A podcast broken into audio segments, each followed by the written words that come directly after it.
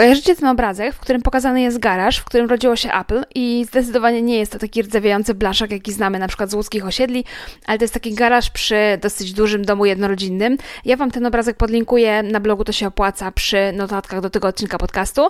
E, no i zmierzam do tego, że jeżeli mamy taki dom, duży dom jednorodzinny, czy nawet taki troszkę e, mniejszy, ale jednak domek e, i mamy garaż, no to łatwo jest prowadzić firmę, łatwo jest pracować w domu, jeżeli mamy dom. Jeżeli ten dom ma na przykład 160 metrów albo 200 metrów kwadratowych, ma dwa albo trzy poziomy, można sobie bez trudu wygospodarować oddzielną przestrzeń na pracę, to no zdecydowanie jest łatwiej. Ale patrzmy realistycznie. W Polsce na jedną osobę przypada średnio 29 metrów kwadratowych mieszkania. E, to są dane Eurostatu za, zdaje się, 2020 rok. 29 metrów kwadratowych na jednego Polaka średnio. E, tak wygląda powierzchnia e, mieszkalna w Polsce. Czy na takiej powierzchni da się jednocześnie żyć, odpoczywać i pracować w domu? Opowiem dzisiaj o moich doświadczeniach z pracą w domu, a dokładnie z pracą w mieszkaniach, bo ja nie mam dużego domu, nie mam domu 160 metrów czy 200, mam mieszkanie i opowiem E, jak to było u mnie e, z pracą w domu, w różnych mieszkaniach, w mieszkaniach różnej wielkości. E, przy okazji opowiem też, jaką pracę można z łatwością w domu wykonywać, a które zadania już wymagają takiej sporej gimnastyki i w mieszkaniu są nieco trudniejsze do zrobienia. Zapraszam do posłuchania tego odcinka.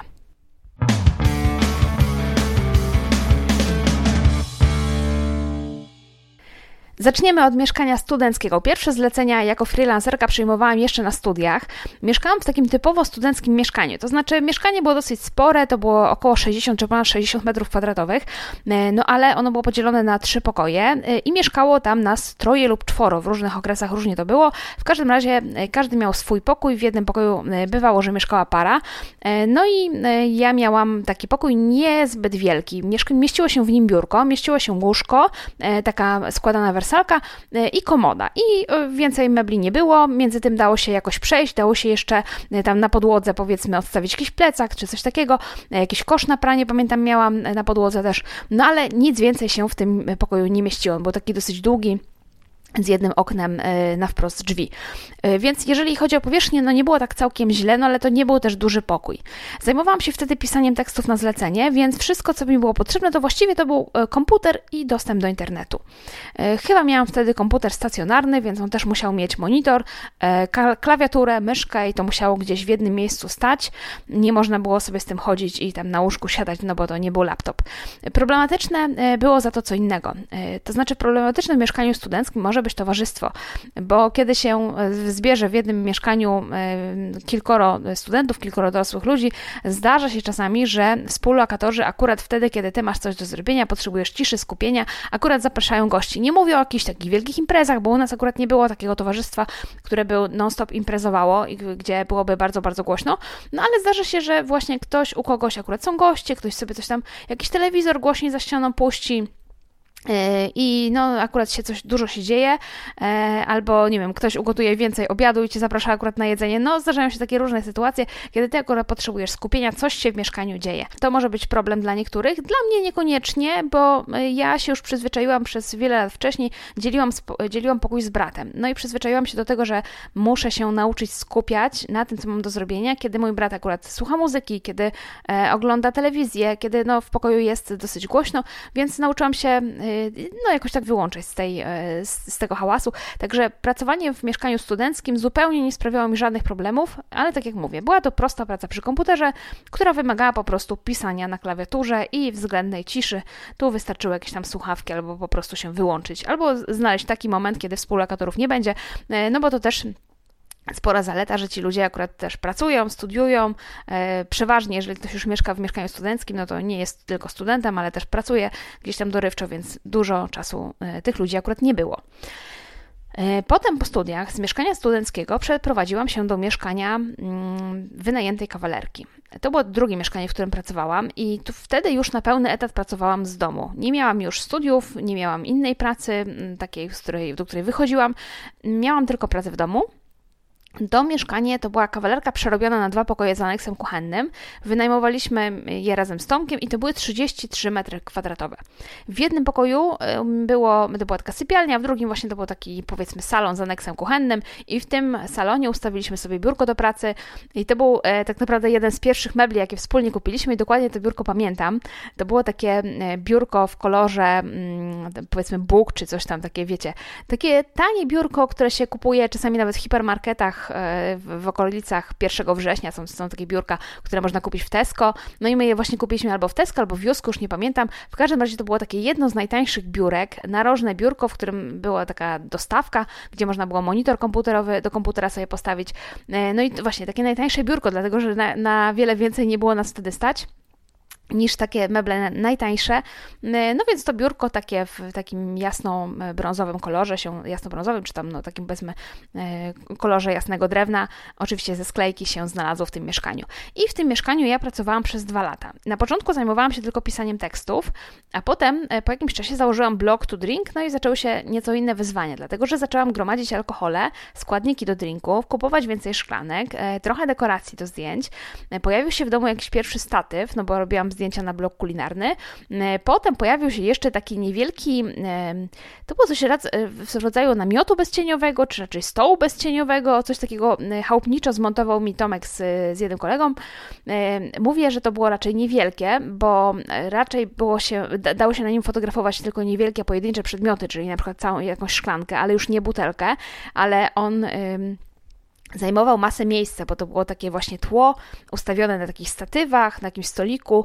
No kupę miejsca to zajmowało. Jak sobie weźmiecie pod uwagę, że całe, całe mieszkanie miało 33 metry kwadratowe i ten namiot bezcieniowy, czy tam ten stół bezcieniowy, no zajmował masę miejsca w tym salonie. E, po kilku próbach fotografowania na nim czegokolwiek pozbyłam się go, bo on się totalnie nie sprawdzał, no i do tego mieszkania był zdecydowanie za duży. E, w tej kawalerce pamiętam, że podejmowałam także pierwsze próby nagrywania filmów. E, filmy na taki kanał, mój kanał drinkowy. Nagrywałam w aneksie kuchennym, gdzie pokazywałam, jak przygotowuję jakieś drinki. E, nagrywałam też parę filmów z gościem, gdzie ustawialiśmy stół w pokoju i na tym, przy tym, za tym stołem jakby stawaliśmy i tam o czymś opowiadaliśmy. Nagrywałam też solowe pogadanki w takim, siedząc w takim fotelu, który był jedynym fotelem w tym domu i jedyne miejsce, gdzie, gdzie tak jakoś mogłam sobie usiąść i w miarę to dobrze wyglądało, jeżeli chodzi o kadr. E, generalnie to nie było łatwe, bo nagrywanie czegokolwiek w tak małym, na tak małej przestrzeni wymagało za każdym razem przeorganizowania całego pomieszczenia, poprzesuwania mebli. No i e, na szczęście w tamtym czasie ja jeszcze nie wiedziałam kompletnie nic o oświetleniu i korzystałam z tego, co daje mi światło dzienne, i e, nie używałam żadnych lamp. E, co na starych filmach widać, bo na przykład ustawiałam się tyłem do okna i w ogóle byłam niedoświetlona. E, no, wyglądało to bardzo, bardzo słabo, ale dawało się nagrywać, bo gdybym chciała tutaj jeszcze dołożyć jakieś lampy, no to pewnie bym stwierdziła, że jednak nie ma miejsca i nie dam rady tego zrobić. No ale nie wiedziałam, robiłam tak jak umiałam i nagrywałam filmy w tym mieszkaniu, w tym pokoju w kawalerce. Z tej kawalerki 33-metrowej przeprowadziliśmy się do mieszkania o powierzchni 58 m2. To są dwa duże pokoje i kuchnia, i w tym mieszkaniu mieszkamy do dzisiaj. Wtedy, kiedy się do tego mieszkania przeprowadziliśmy, to te przestrzenie nam się wydawały w ogóle ogromne, bo jak się e, no, przeprowadzisz z 33 metrów do 58 metrów i jeszcze e, nie do końca to mieszkanie było umeblowane, bo część była umeblowana, a część, nie wszystkie meble kupiliśmy tak od razu po wprowadzeniu się do tego mieszkania, no to one się naprawdę, te przestrzenie wyglądały na ogromne i wydawały się właśnie duże. 58 metrów kwadratowych mieszkania to jest na dwie osoby dokładnie tyle, ile wynosi średnia powierzchnia mieszkalna w Polsce według danych Eurostatu, te dane, o których mówiłam na samym początku. Czyli y, mieścimy się dokładnie w tej średniej. Początkowo w tym mieszkaniu pracowałam tylko ja, teraz pracujemy oboje. Potomek też już pracuje zdalnie od wielu lat. Poza standardowym wyposażeniem mieszkania, czyli takim wyposażeniem, które ma każdy z nas, jakieś łóżko, jakiś stół, kanapa, szafę itd., tak musieliśmy wygospodarować jeszcze dwa stałe miejsca do pracy.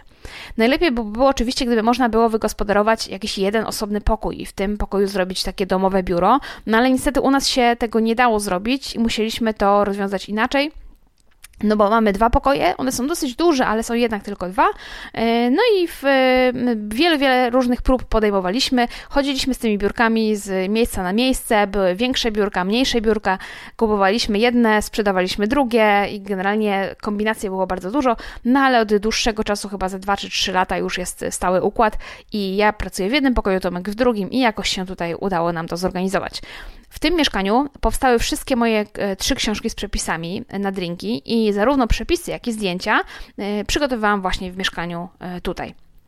Tutaj napisałam Zostań freelancerem, książkę o pracy zdalnej. Napisałam e, wszystkie moje e-booki, e, takie, te, które są na kursy to się opłaca.pl.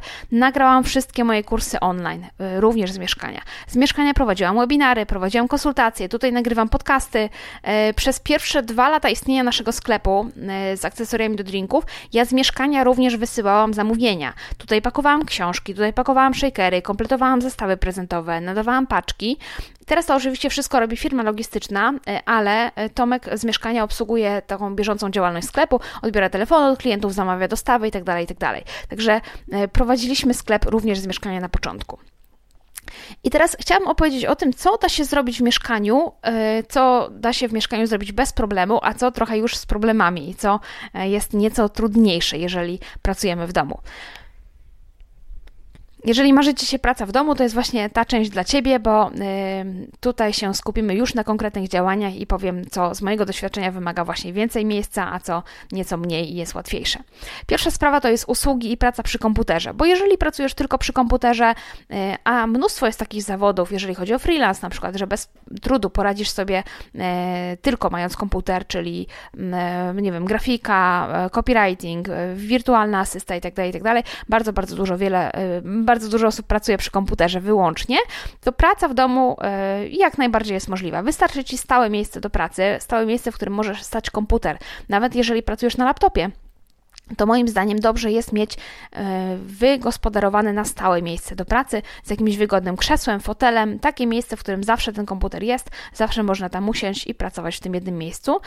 Przyda Ci się pewnie jakaś osobna szafka albo komoda, taka do przechowywania dokumentów czy jakichś materiałów edukacyjnych, ale całkiem możliwe, że tego wcale nie będzie tak dużo i jakoś to nie będzie specjalnie wiele miejsca zajmować. Jeżeli chodzi o pracę przy komputerze, e, praca w domu jak najbardziej możliwa. Następny e, temat, sklep internetowy pakowanie, wysyłanie paczek i wszystko, co się wiąże z obsługą sklepu internetowego. Prowadzenie sklepu internetowego z mieszkania to jest spore wyzwanie. Jeżeli nie mamy domu, tak jak powiedziałam na początku, sporego, sporej powierzchni, a mamy tylko mieszkanie, no to tutaj na pewno e, jest e, problem z odbiorem osobistym, pojawi się problem i raczej uważam, że trzeba z takiego odbioru osobistego zrezygnować, bo nie chcemy, żeby klienci odwiedzali nas w domu, no chyba, że nie masz z tym problemu, no to okej, okay, ale raczej ja bym nie chciała. Sama obsługa klientów przez internet, dodawanie produktów do sklepu, wszystkie te administracyjne prace, one nie sprawiają kłopotów, no bo to wszystko robi się przy komputerze. Problem pojawia się, kiedy chodzi o wysyłkę i pakowanie produktów, bo e, produkty to jedno, ale materiały do pakowania zajmują dużo miejsca. Potrzebne jest dodatkowe stanowisko, na którym te paczki będziemy pakować, na przykład stół. E, najlepiej, żeby to było jakieś stałe miejsce, żeby nie trzeba było codziennie tego od nowa rozkładać, tych, tego, tych właśnie materiałów do pakowania, do wypełniania paczek, do e, tam jakieś taśmy i tak dalej drukarka, y, która drukuje etykiety. No i jeszcze oczywiście przede wszystkim potrzebne jest miejsce, w którym będziesz przechowywać te produkty, które sprzedajesz i te materiały do pakowania. Jeżeli sprzedajesz coś małego, na przykład biżuterię, to to jest jeszcze pół biedy, bo można wygospodarować jakąś komodę, gdzie przechowujemy biżuterię, y, małe pudełka do pakowania i e, problem z głowy. Gorzej, jeżeli sprzedajemy większe produkty, na przykład ubrania, dodatki do domu, no to już są konieczne większe regały. No i tutaj praca w mieszkaniu, e, gdzie potrzebujemy dużo miejsca do przechowywania, e, może być jakimś trochę większym problemem. Wiem, co mówię, tak jak mówię, dwa lata nam zajęło wyprowadzenie się z domu z pracą przy sklepie. No i w tamtym czasie, kiedy mieliśmy sklep w domu, to absolutnie każda wolna przestrzeń była zagospodarowana kartonami, shakerami, produktami innego innymi produktami do sprzedaży, a jeszcze część naszych książek, które mieliśmy w sprzedaży, była gdzieś tam u teściowej za szafą, za, za zasłoną schowana, bo u nas się już to po prostu nie mieściło. Także to spore wyzwanie. Następny, yy, następny temat, następna praca, którą można robić w domu i wiele osób w domu wykonuje, to jest tworzenie rękodzieła. Jeżeli myślisz o tym, żeby samodzielnie coś tworzyć, jeżeli to potem chcesz sprzedawać, to upewnij się, że masz na to wystarczająco dużo miejsca w mieszkaniu. Bo chociażby takie szycie, materiały to jest jedna sprawa, ale do tego oczywiście musimy mieć maszynę, najczęściej dwie maszyny, bo sternówka i overlock. Mam, musimy mieć do tego dodatki krawieckie, nici i tak dalej. No i oczywiście jeszcze miejsce, w którym będziemy to wszystko kroić, bo do krojenia trzeba sporo przestrzeni. E, no i w mieszkaniu może to wcale nie być takie proste, że jak, jak się wydaje, żeby tę sporą przestrzeń wygospodarować, na szycie e, jakiś większy stół, na przechowywanie większe komody, czy szafki, czy jakieś tego typu mm, no, miejsca. Także tworzenie rękodzieła, jeżeli to jest coś małego, w porządku, jeżeli to już są większe rzeczy, typu szycie, typu robienie czegoś, nie wiem, z ratanu albo, nie wiem, z wełny, to już może być, może być trudniejsze.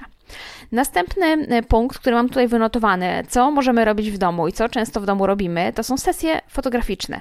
Ja robiłam e, sesje, różne sesje fotograficzne, robiłam wiele zdjęć do książki. Tak jak mówiłam, wszystkie zdjęcia do moich książek powstały u mnie w domu, e, więc mam za sobą tych sesji zdjęciowych w domu bardzo, bardzo dużo. Nawet w tym mieszkaniu, w którym mieszkam, nawet mam za sobą sesję taką biznesową, sesję wizerunkową. Taką sesję robiła mi profesjonalna fotografka Agnieszka Werechausińska i ona właśnie przyjechała do mnie w domu, do domu i robiłyśmy sesję wizerunkową, e, z której zdjęcia dosyć często publikuję ostatnimi czasy, e, na przykład na moim Instagramie.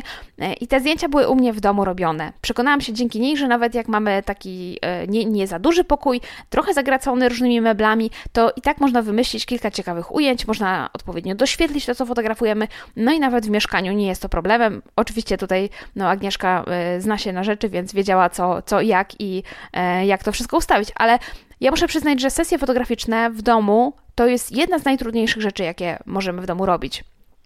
One wymagają całkowitego przeorganizowania przestrzeni, bo trzeba ustawić światła, trzeba e, jakąś scenkę na przykład ustawić bliżej okna, jak najbliżej e, okna, jeżeli mamy światło dzienne, z którego chcemy korzystać. Czasami mamy w jednym pokoju, czasami potem o innej godzinie w innym pomieszczeniu i to trzeba wiedzieć, w którym miejscu, gdzie światło o której e, porze jest.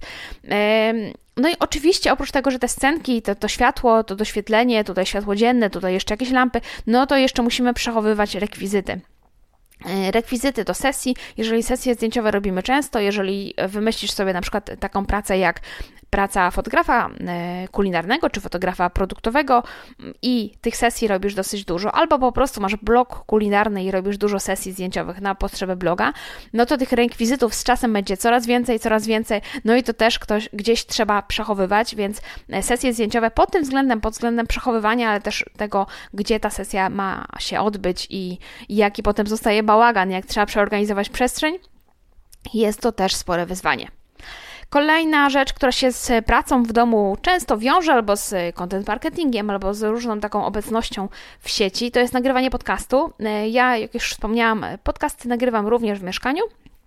Ale to znowu jest e, wyzwanie, dlatego że tak, tutaj nie musimy mieć ładnych kadrów, nie musimy mieć dobrego światła, ale za to musimy mieć akustykę, która jest już całkiem, no, powinna być dobra. Nie, nie możemy mieć takiego pomieszczenia, które będzie gdzieś tam odbijało ten dźwięk. Yy, musimy mieć pomieszczenie, w którym jest cicho.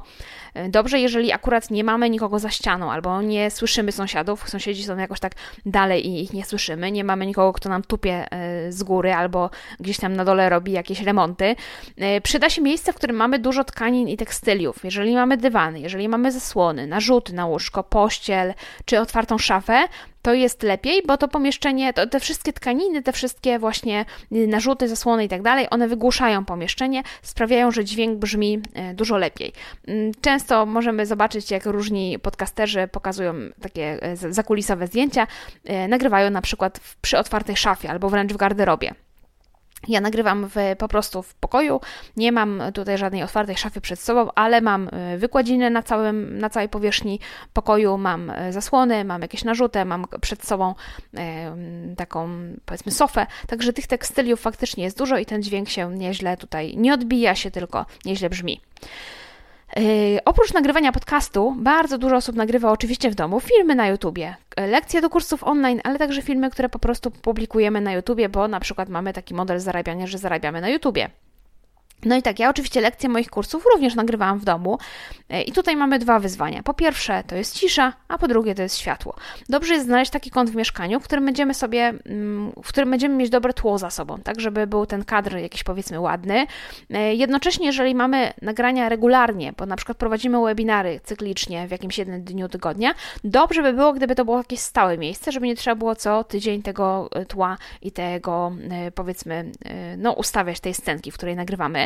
Musimy również być blisko okna, jeżeli nagrywamy za dnia, albo musimy mieć lampy, które nas dodatkowo doświetlą. E, takie specjalne lampy fotograficzne, e, tych lamp jest różnych typów, przynajmniej kilka. Nie nadaje się do tego zwykły żyrandol, nie nadają się do tego takie lampki biurkowe albo zwykłe oświetlenie, którego, z którego korzystamy na co dzień. Do nagrywania filmów to się nie nadaje.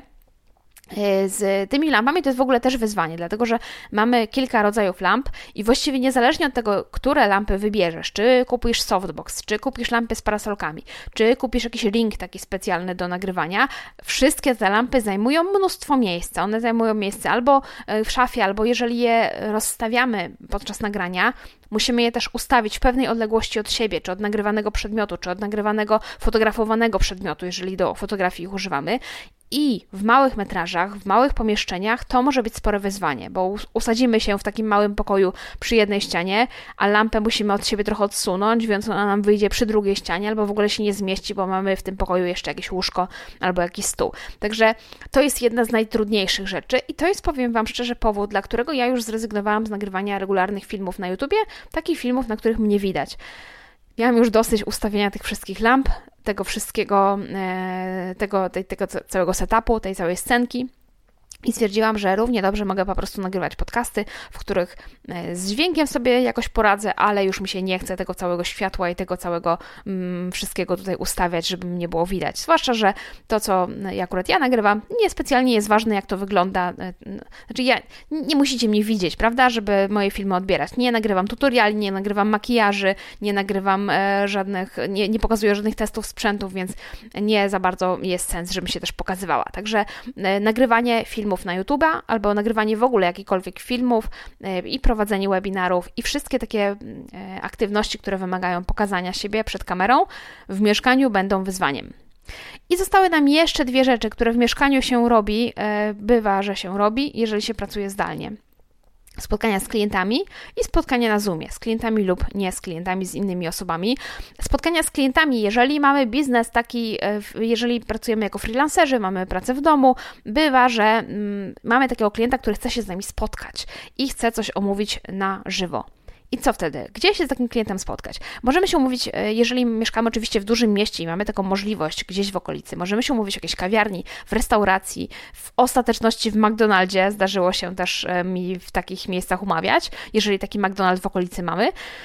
E, możemy podjechać do klienta, jeżeli on ma jakąś firmę, jakieś biuro, jakąś swoją siedzibę. E, w małych miejscowościach, na wsiach wiem, że będzie z tym problem, więc e, albo zapraszamy klienta do domu w ostateczności, albo go namawiamy na drugą opcję, czyli spotkania online, spotkania na Zoomie.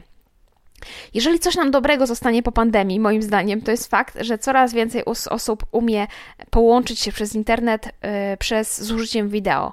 Y, czy na Zoomie, czy na jakimś innym komunikatorze umiemy, coraz więcej osób umie, nauczyło się tego, bo nie miało wyjścia. I zamiast spotykać się z klientem, kiedy my nie mamy takich warunków, bo nie mamy swojego biura, y, możemy umówić się właśnie z nim na Zoomie. Mm, tutaj też warto zadbać o dobre tło za nami, o ciszę, chociaż tutaj akurat trzeba powiedzieć, że mm, jakby spotkania wideo nie przysparzają e, problemów większych e, osobom, które w domu pracują. W ostateczności, jeżeli nie mamy totalnie w domu żadnych warunków, nie wiem, mamy głośno, nie wiem, nie, nie, mamy takiego cichego kąta, w którym możemy się z klientem umówić na rozmowę wideo, no to możemy wyjść na chwilę albo na balkon, albo do parku i przez komórkę połączyć się e, z wideo, tylko trzeba pamiętać o tym, żeby zabrać ze sobą słuchawki. E, no i spotkania wideo tutaj już wielkich problemów nie sprawiają. E, podsumowując to wszystko, co powiedziałam, muszę jeszcze zaznaczyć, że ja to wszystko, o czym powiedziałam dzisiaj, mówię z perspektywy osoby bezdzietnej. Nie mam w domu e, dzieci i mam jednego domownika, mojego męża, i on też pracuje z domu i rozumie specyfikę takiej pracy. W takiej sytuacji jak moja, naprawdę bardzo wiele rzeczy da się zrobić w domu. E, ja prowadzę biznes z domu od wielu lat i czasami wkurza mnie to, że nie mam przestrzeni, wkurza mnie, że nie mogę tych lamp rozłożyć, że jak robię sesję, to po prostu wszystko jest w domu podporządkowane temu, że akurat robię sesję, ale da się. E, I to są takie małe momenty zawahania, że, że coś mnie wkurza ale jednak plusy pracy w domu przeważają i do biura się nie wynoszę. Jestem przekonana, że kiedy w domu są małe dzieci, to w ogóle nie jest tak łatwo. E, czasami się pewnie nie da, chociaż mam e, wśród znajomych osoby, które e, łączą pracę w domu z wychowaniem dzieci. Najczęściej pracują wtedy, kiedy dzieci są w przedszkolu, czy w szkole, czy ktoś inny się tymi dziećmi opiekuje, ale nie jest tak, że się nie da. Jest znacznie trudniej, kiedy są dzieci, niż kiedy ich nie ma, ale nie jest tak, że te dzieci są totalnie przeszkodą uh, w pracy w domu, przynajmniej w tych przypadkach, które ja znam. Pewnie są i takie, które mm, uniemożliwiają pracę w domu. Bardzo jestem ciekawa, jak to jest u Was. Czy są tutaj osoby, czy są wśród słuchaczy podcastu, wśród osób, które czytają ten e, zapis podcastu na blogu To się opłaca, osoby, które pracują w domu na niewielkim metrażu? Czy wszyscy macie e, większe jakieś takie pomieszczenia, domy, osobne pomieszczenia na biuro, domowe biuro, czy nie? Czy są osoby, które właśnie z, z małych powierzchni, z małych mieszkań pracują w domu jeszcze mniejszych niż moje, albo takie, w jakich ja pracowałam wcześniej, e, jak ta kawalerka 33-metrowa. Napiszcie proszę, co Wam sprawia największy problem, jeżeli chodzi o przestrzeń do pracy e, i, i czy myślicie o tym, w związku z tym, żeby się wynieść do jakiegoś biura. Ja już mam za sobą taki eksperyment, wynajęte biuro na pół roku, gdzie wy, wynieśliśmy się właśnie z pracą. Było dużo przestrzeni w tym biurze, bo samo to biuro miało 30 e, parametrów, ten jeden pokój, w którym pracowaliśmy, czy 35, chyba, czy nawet trochę więcej, e, ale stwierdziłam jednak, że nie, że praca w domu e, zdecydowanie bardziej mi odpowiada niż praca w wynajętym biurze. Dziękuję Ci za e, uwagę, wysłuchanie tego odcinka podcastu. E, przypominam o ocenianiu podcastu, jeżeli słuchacie go na e, YouTubie, można dać łapkę w górę, jeżeli na aplikacjach podcastowych, tam są zawsze jakieś możliwość oceniania gwiazdkami. I gorąca prośba, polećcie ten odcinek podcastu osobom, które e, zainteresowane są pracą w domu, które jeszcze nie wiedzą, czy dadzą radę. Polećcie, e, podajcie dalej mm, i dzięki temu ułatwicie mi dotarcie do szerszej publiczności. E, dziękuję dzisiaj i do usłyszenia w kolejnym odcinku podcastu To się opłaca.